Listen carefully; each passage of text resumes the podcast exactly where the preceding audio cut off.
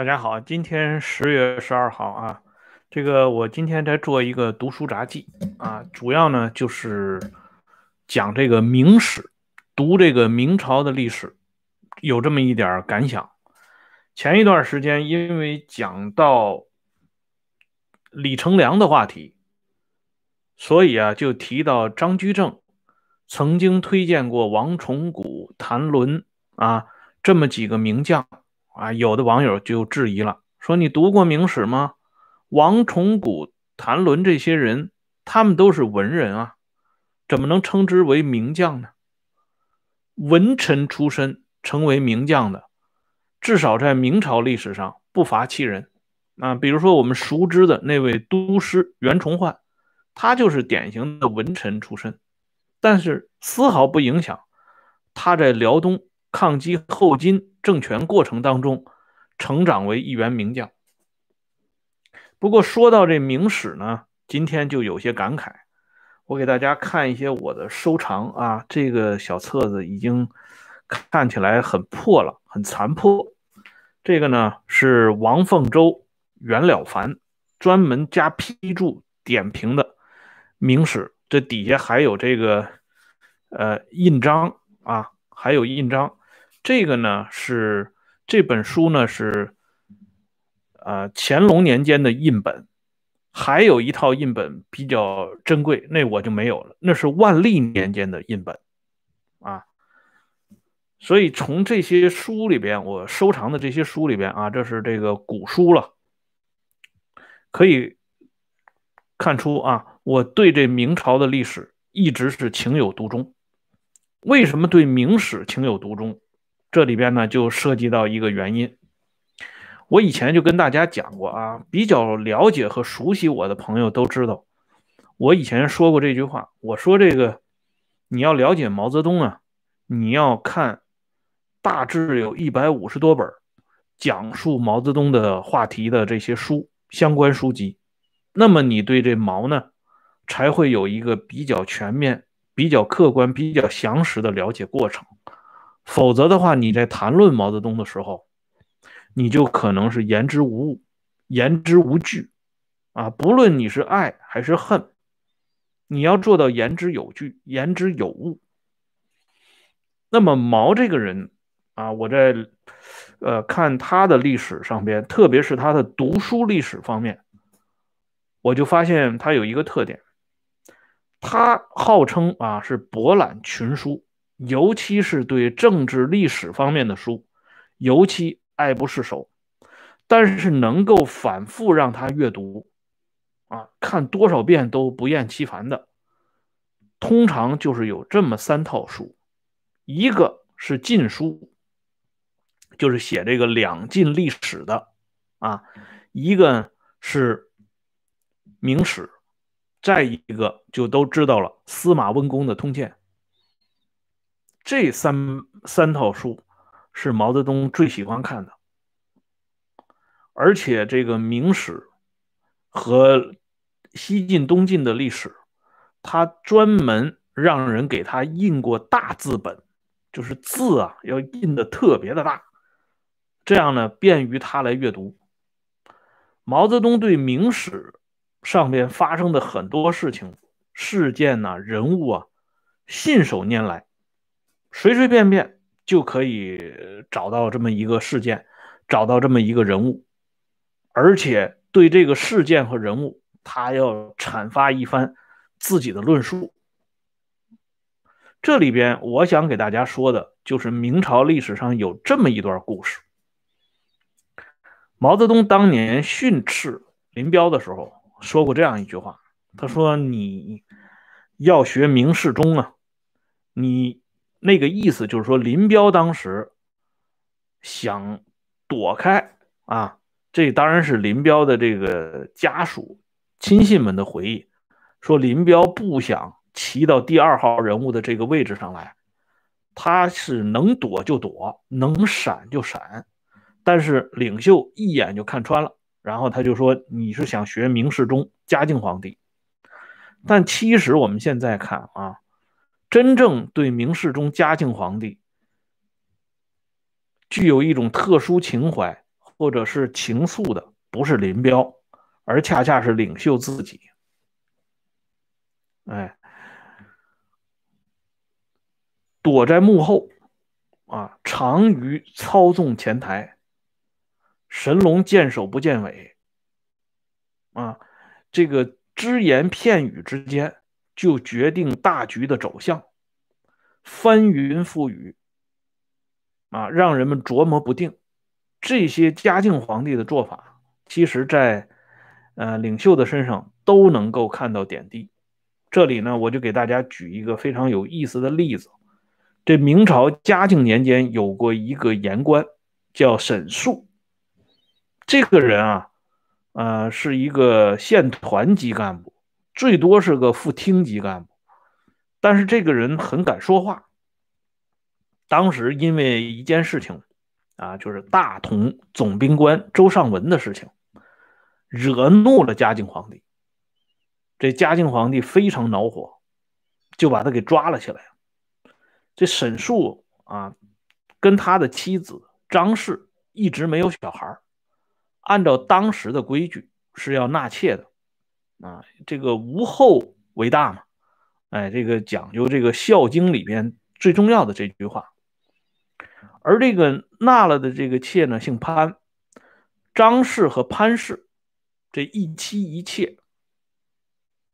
为了营救自己的丈夫沈树，就给嘉靖皇帝上了一封这个语调非常凄婉的这么一个啊奏折，说的是什么意思呢？说沈肃被抓起来，这是因为他触犯了王朝的法律，触犯了您的尊严，这个我们没有异议。现在呢，就是恳请皇帝陛下垂怜。因为沈树的老爹啊，就是他们两个人的啊老公爹，已经重病在身，让沈树回家尽一下做儿子的孝道，给老头子呢送一下宗，送宗啊，等把老爷子送走以后，再让沈树回来继续服刑，我们都毫无怨言。就是有这么一个陈情表，恳切的求嘉靖皇帝放沈树这么一段时间回去。这个事情啊，放在那个年代里是不过分的啊，因为历朝历代都讲求以孝治天下，哎，所以三法司的官员把这个陈情表就转递给皇帝了。嘉靖皇帝就拿到这个陈情表了，拿到以后他不同意，根本不放这个沈肃回家。这沈肃啊，在这个皇帝的监狱里已经待了整整十六年了，啊，按说呢，这个人可能就没有出去的希望了。沈肃自己也不方面的打算，爹。走的这种情况，皇帝都不批准他出来见最后一面，那其他的理由就不称其为理由了。所以，这沈肃最后就做了一个长期的打算。他在里边怎么生活呢？他就自学了雕刻艺术，所以后来沈肃啊就成了明朝后期著名的雕刻家。啊，这本事就在这个。锦衣卫的监狱里边，北镇抚司监狱里边学会的啊，这跟这个呃原来的国务院发展研究中心总干事、著名的经济学家薛木桥是一一个路子啊。薛木桥是在监狱里边学会了经济学，成为经济学家；沈肃呢，成为雕刻家。可是有一天啊，突然发生了这么个事情。沈肃呢，发现有一只喜鹊啊，在这个牢房外边的一棵树上啊，叽叽喳喳的在叫个不停。沈肃呢，就说了一句话，说：“你看，这个喜鹊也是啊，不看看飞到什么地方，飞到这种地方，你即使让我看见了，难道沈树还会有什么喜事降临吗？啊，这沈树是自己啊发感慨说的这么一番话。可是这一番话说了不要紧，马上就有人向上级汇报了，说这沈树啊今天早上说了这么一段话，如实的记载下来，送给嘉靖皇帝知道。这嘉靖皇帝一看这个，马上下令啊，把这个沈树放出来，立刻释放。前边啊，这沈树的亲爹马上就要走了。他都不放，这喜鹊啊叽叽喳喳一叫，这皇帝就把沈树给放出来了。沈树是做梦都没想到，他居然能在有生之年，因为一个喜鹊的原因，走出了这个天子的大牢，啊，跟家人团聚了。所以这件事情啊，非常能够凸显嘉靖皇帝这个人喜怒无常的这个状态。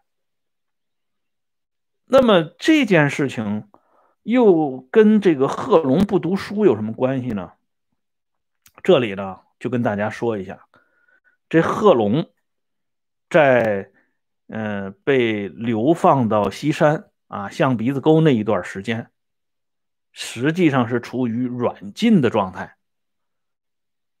当时呢岗哨林立啊，有明哨有暗哨，都在监视贺龙的一举一动。而那个时候的贺龙呢，他还期待着周恩来的秋天。周恩来不是说吗？秋天我去接你。啊，即使没有周恩来的秋天，贺龙呢，也在盼望着毛泽东的秋天。反正他就想，到了秋天就会有解了。哎，那这个时候呢，贺龙就跟这个看管他的战士之间就有过一段交流。